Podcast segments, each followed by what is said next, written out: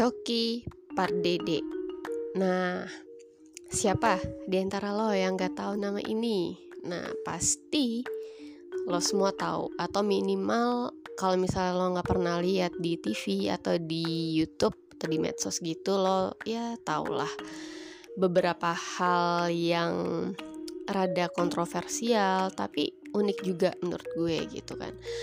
Nah, Coki Pardede, nama aslinya Reza Pardede. Nah, kali ini gue nggak akan ngomongin tentang kronologis penangkapan dia bersama sabu-sabunya gitu kan.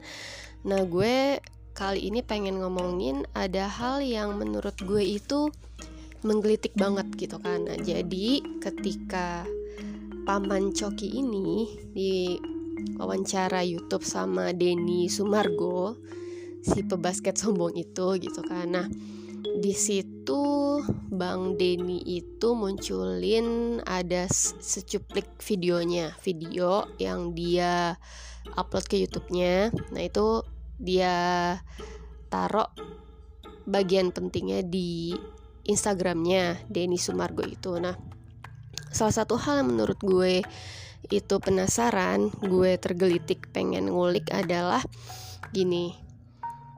Jadi secoki itu bilang apakah para pemeluk agama itu ketika mereka membaca kitabnya itu mereka akan lebih banyak ketakutannya gitu? Atau emang itulah yang mereka rasakan ketika mereka membaca kitab gitu? Nah gue jadi mikir mungkin bagi Coki yang seorang agnostik gitu kan dia menganggap bahwa suatu kitab suci itu banyak eh, perintah atau menjadi suatu hal yang menakutkan bagi para pemeluk agamanya.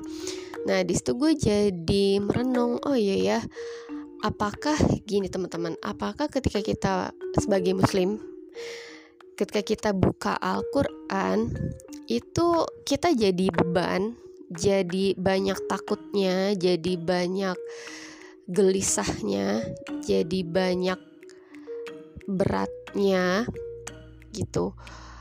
Atau justru ketika kita buka Al-Quran itu kita ngerasain suatu perasaan yang damai, menenangkan, membahagiakan, menyejukkan gitu kan. Karena ya nggak bisa dipungkir gitu.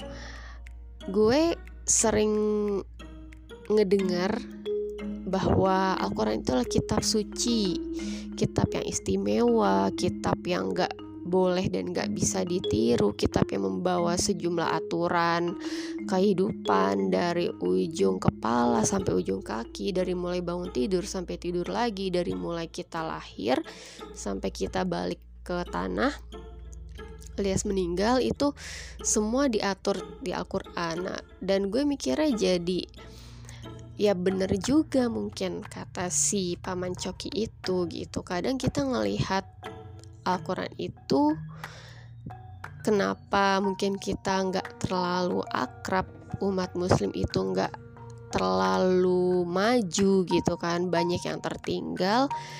Karena kita diberitahunya itu Al-Quran adalah suatu panduan, suatu aturan, suatu yang isinya banyak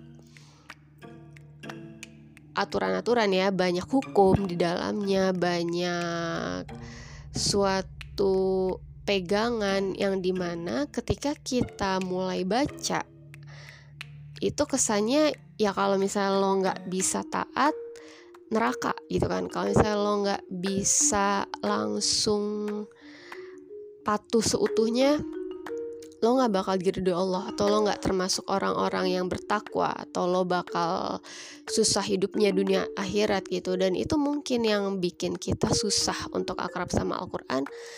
Karena kita atau mungkin orang-orang di selain kita atau mungkin ceramah-ceramah itu banyaknya ngasih tahu kalau Al-Quran itu isinya aturan, aturan, aturan. Sehingga dia susah akrab di telinga kita, susah akrab di hati kita, susah untuk akrab di kehidupan kita gitu. Jadi yaitu kita memandang Al-Quran atau umat muslim ini memandang Al-Quran itu sebagai suatu ketakutan, suatu hal yang berat, yang beban karena diberitahunya ya isinya aturan-aturan yang mengekang hidup kita, aturan-aturan yang membatasi hidup kita, bukan sebagai kata-kata itu aturannya mungkin diganti ya sebagai obat, sebagai mungkin pencerah gitu ya disebutnya, sebagai penunjuk jalan, sebagai pelipur lara, sebagai solusi, sebagai teman buat kita curhat, teman buat kita bertanya, teman untuk kita mencari jawabannya, mencari ide, inspirasi, motivasi, mencari apa lagi teman-teman mencari pemersatu bangsa pemersatu umat gitu penyatu teman-teman pengakrab suasana di kehidupan sosial kita penyembuh kita gitu. Jadi itu nampaknya ketika kita mungkin dengar kajian atau mungkin menyampaikan kebaikan tentang agama kita agama Islam itu harusnya kata-kata lebih baik, lebih indah, lebih menggugah, bukan kata-kata yang berat, yang di awal denger aja tuh udah aduh males nih Al-Quran nih pasti isinya berat-berat. Pasti gue nggak bisa ngerti karena mesti buka tafsir dulu atau mungkin gue mesti baca uh, nanya ustadz dulu gitu. Nah itu kayaknya harus diganti teman-teman cara kita memandang Al-Quran itu gitu. Jadi thanks a lot Paman Coki kata-kata lo udah menginspirasi gue dan mungkin menginspirasi orang yang berpikir ketika mereka mendengar ucapan maupun pendapat-pendapat lo. thank you